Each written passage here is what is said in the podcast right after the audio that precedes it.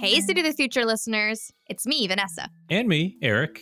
The last time you heard from us, well, the world was a pretty different place.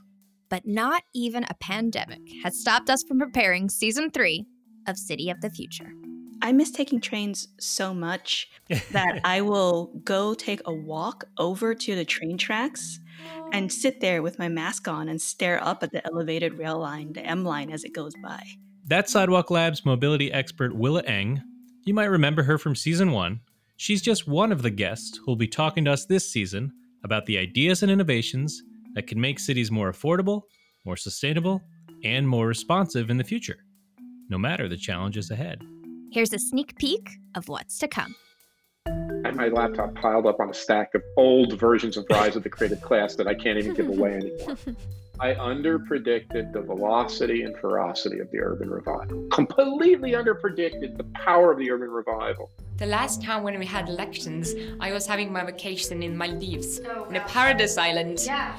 And I was just lying on a beach. I grabbed my laptop, we had internet connection there, and I voted for the candidate I wanted to. All of the incremental progress we need towards saving the world won't come from broad commitments.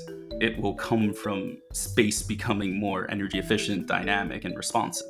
We can now produce a thousand options for a site that we just didn't even know were possible before, which means there's just a thousand options out there that might be much better to live in. And so that opens up a lot of opportunities for the future of how cities are built.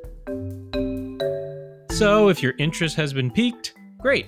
Make sure you're subscribed to the City of the Future, and you'll see new episodes from us in your feed starting this fall. And now is also a great time to share City of the Future with your friends. They have a few weeks to catch up just in time for these new releases. In the meantime, stay well. And you'll hear from us in the not so distant future.